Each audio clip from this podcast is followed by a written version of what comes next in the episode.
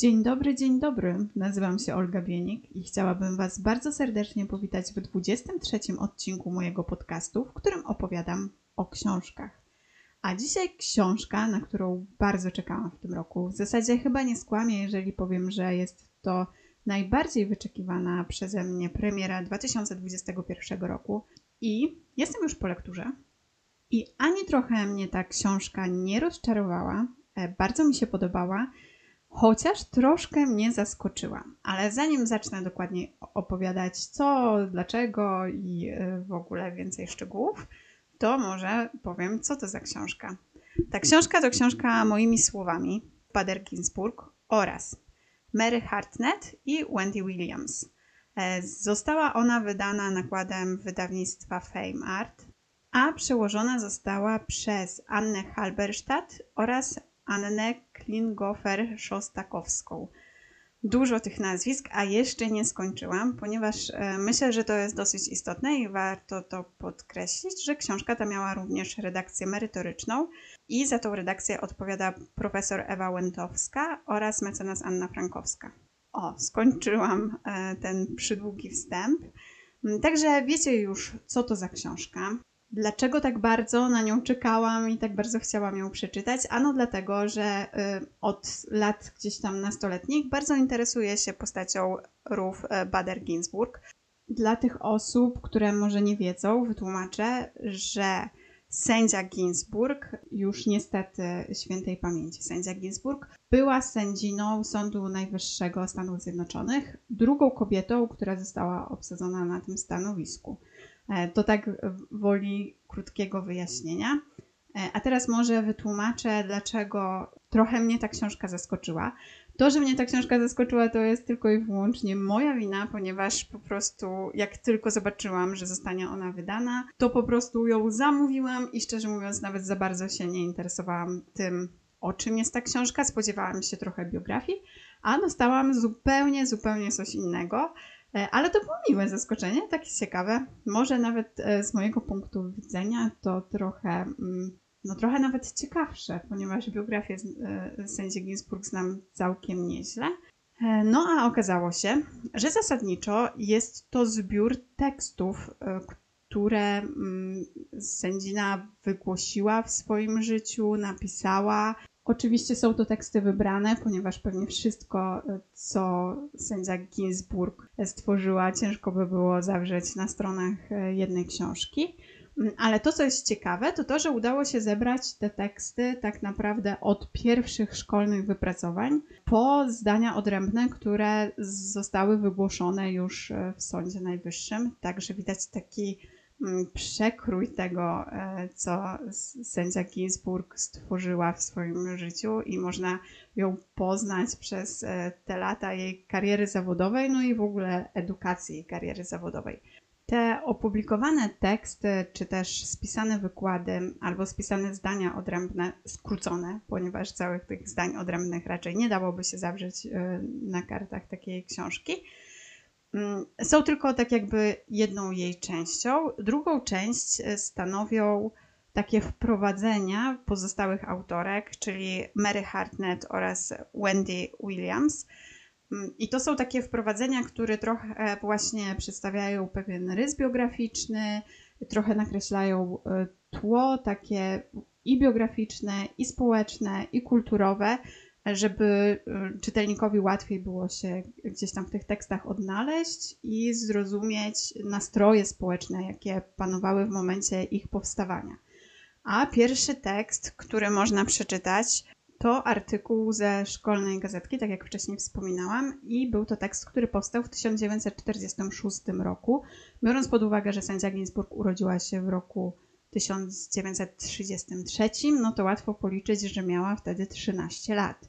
I powiem Wam szczerze, że jak czytać ten tekst ze szkolnej gazetki, e, no to nie trudno się domyśleć, e, że wyrośnie z tego wielki umysł i niezwykła osoba, ponieważ raczej nasi obecni trzynastolatkowie takich e, tekstów nie piszą. Polecam tą lekturę. Dzisiaj chyba nie będę za bardzo czytać fragmentów, dzisiaj trzeba poczytać samemu. Dlaczego tak bardzo podkreślam te lata, kiedy sędzia się urodziła, kiedy pisała te pierwsze swoje teksty?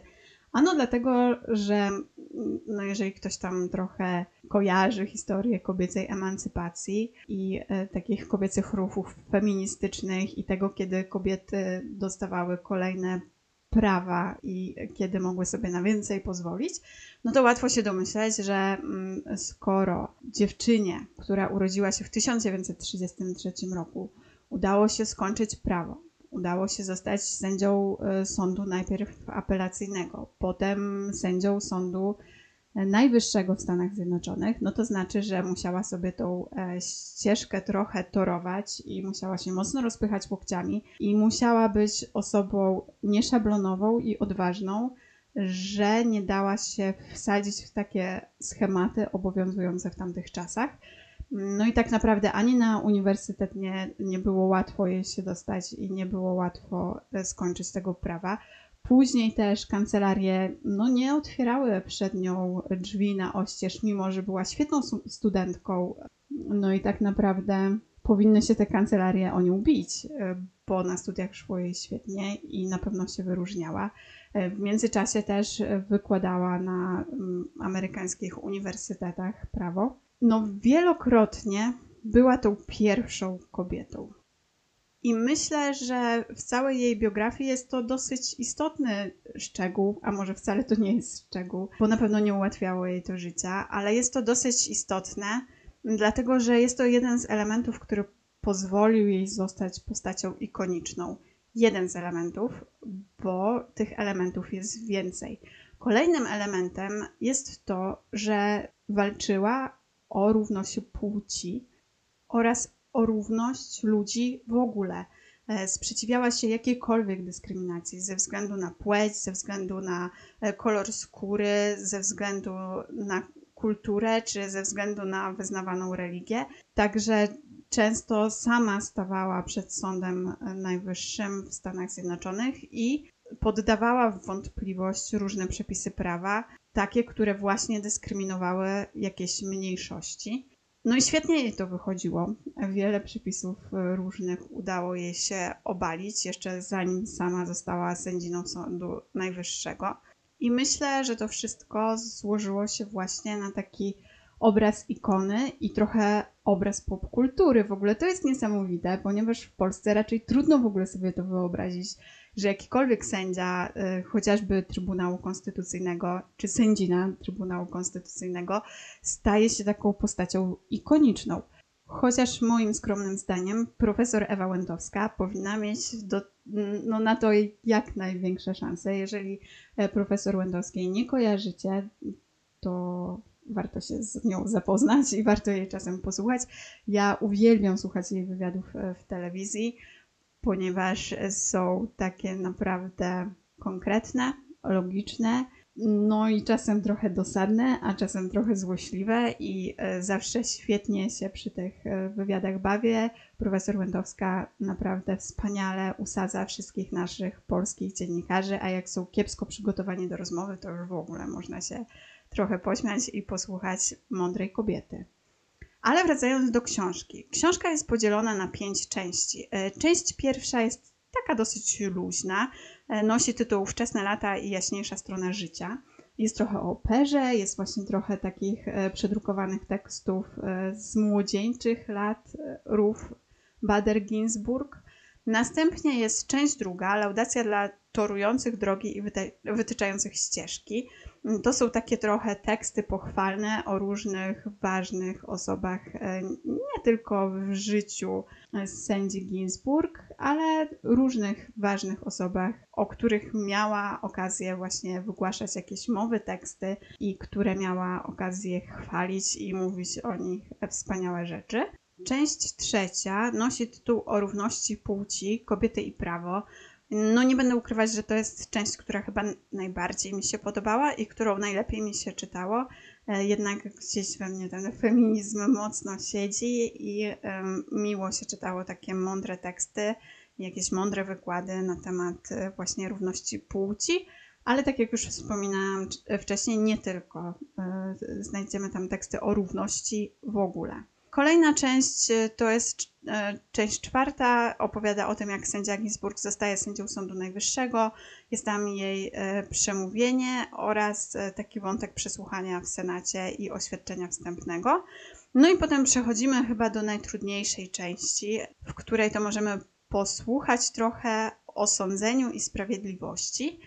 I ona jest szalenie ciekawa, ale czasem przynajmniej ja, taki prawny zupełnie laik, trochę się gubiłam i musiałam trochę czasu poświęcić na to, żeby przeczytać te wszystkie teksty ze zrozumieniem. No ale są one w sumie takie chyba najbardziej istotne, no może poza tą częścią feministyczną, trochę trudno to e, porównać do siebie. Jest też e, taki podrozdział w tej części piątej, który mówi o roli zdania odrębnego. Tutaj już wcześniej wspominałam właśnie o tych zdaniach odrębnych, dlatego może pozwolę sobie wytłumaczyć trochę, czym to jest, bo przecież nie wszyscy muszą wiedzieć. Ja szczerze mówiąc też e, nie miałam pojęcia o czymś takim, e, że, że coś takiego jak zdania odrębne istnieje. To jest tak, że w Sądzie Najwyższym Stanów Zjednoczonych jest dziewięciu sędziów. Sędziów i sędzin, bo sędziny są obecne do tej pory w Sądzie Najwyższym Stanów Zjednoczonych. Żeby wydać prawomocne orzeczenie tego sądu, wystarczy zwykła większość, czyli 5 głosów. No i oczywiście wiadomo, jeżeli wydaje sąd orzeczenie, to wydaje też uzasadnienie do tego orzeczenia, ale w prawie Stanów Zjednoczonych jest tak, że jeden z sędziów pozostałej czwórki, na przykład, która się z tym orzeczeniem nie zgadza, ma prawo za całą tą czwórkę przygotować zdanie odrębne, w którym mówi, dlaczego się nie zgadza z tym wyrokiem. I ja nie chcę się tutaj tak jakoś wielce zagłębiać w szczegóły, ale bardzo istotne w, tym wszystkim jest to, żeby mimo, że wyrażamy swoje poglądy, które są inne niż poglądy naszych kolegów, to jednocześnie trzeba zrobić to tak umiejętnie, aby nie podważyć autorytetu tego sądu. Ciężka sprawa, można sporo o tym poczytać. E, też pięknie jest wyjaśnione w, w tej książce i w tej części, dla, dlaczego w ogóle warto takie zdanie odrębne wygłaszać. Polecam.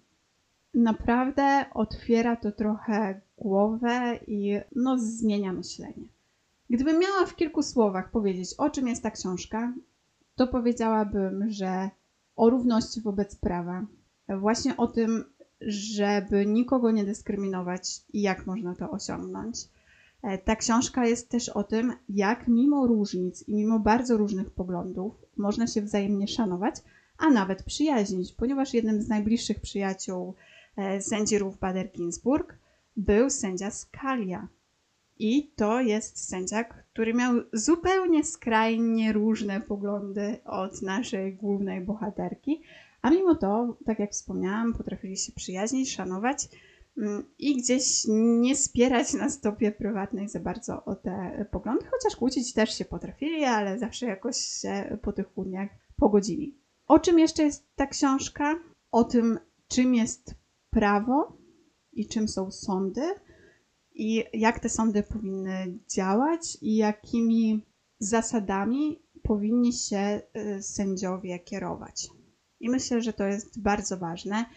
Myślę, że ta książka też otwiera trochę głowę i pokazuje, jak sądy mogą być istotne, jak wbrew temu, co nam się wydaje, mogą mieć wpływ e, w ogóle na nasze życie i na społeczeństwo i na tworzenie prawa i na jego podważanie. I może nie są one jakieś wszechwładne, jednak nie jest to władza wykonawcza. E, nie jest to też władza ustawodawcza, no ale jednak jest to ten trzeci filar naszej władzy i ta książka pokazuje, jak bardzo to jest ważne, żeby ta władza pozostała niezależna od polityki.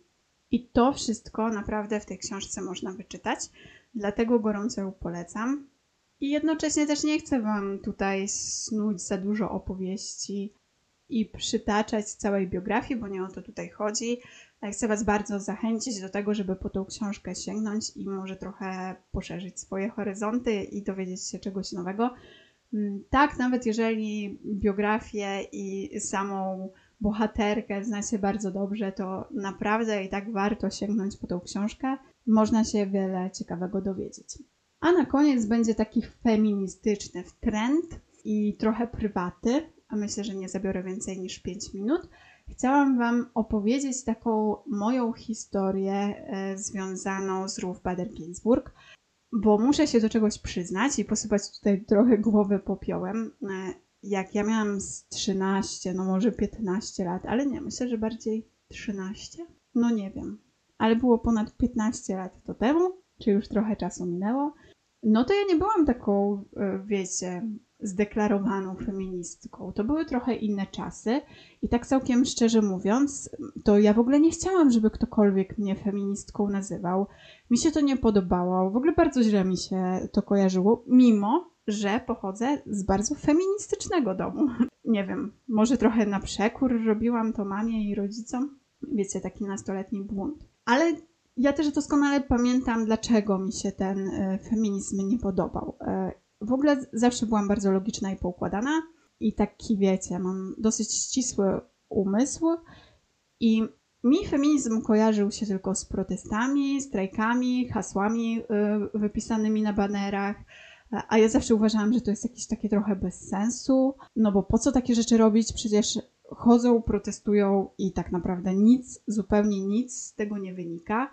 I w ogóle nie widziałam w tym wszystkim żadnego sensu. Uważałam, że ogólnie przecież to jest głupie, przecież e, chcą za dużo, e, przecież takie postulaty e, w Polsce w życiu nie przejdą. Tak, byłam dosyć świadomą nastolatką, jeżeli chodzi o politykę i układ sił politycznych i jeszcze w trend kościoła w to wszystko. Także uważałam, że większość tych feministycznych postulatów, z którymi feministki stały na banerach, czyli najczęściej była to na przykład aborcja, no po prostu nie przejdzie. I wtedy gdzieś przeczytałam jakiś artykuł o Ruth Ginsburg. Trochę zainteresowałam się jej osobą i w pewnym momencie zobaczyłam, że ten feminizm może być jednak sprawczy. Że są osoby, które potrafią, wiecie, jest tak małą łyżeczką, a nie od razu wielką chochlą i wprowadzać powolne, małe, niewielkie zmiany, które tak naprawdę prędzej czy później skutkują czymś dużym. I to mi się zaczęło podobać. I ja sobie pomyślałam, że taki feminizm to ja rozumiem i że to ma sens jednak jakiś, gdzieś ten sens odnalazłam i właśnie to jest to słowo, które najbardziej mi tutaj pasuje. Zrozumiałam, że ten feminizm może być sprawczy mm, i że po prostu trzeba iść do przodu, trzeba zajmować gdzieś tam ważne stanowiska w prawie, w polityce, w biznesie i we wszystkich tych takich instytucjach, które tą sprawczość nam dają. I tak sobie długo myślałam, bo nastoletnie życie jest, e, wiadomo, bardzo czarno-białe. Teraz już jestem chyba bardziej rozumna, chociaż jeszcze wiele przede mną.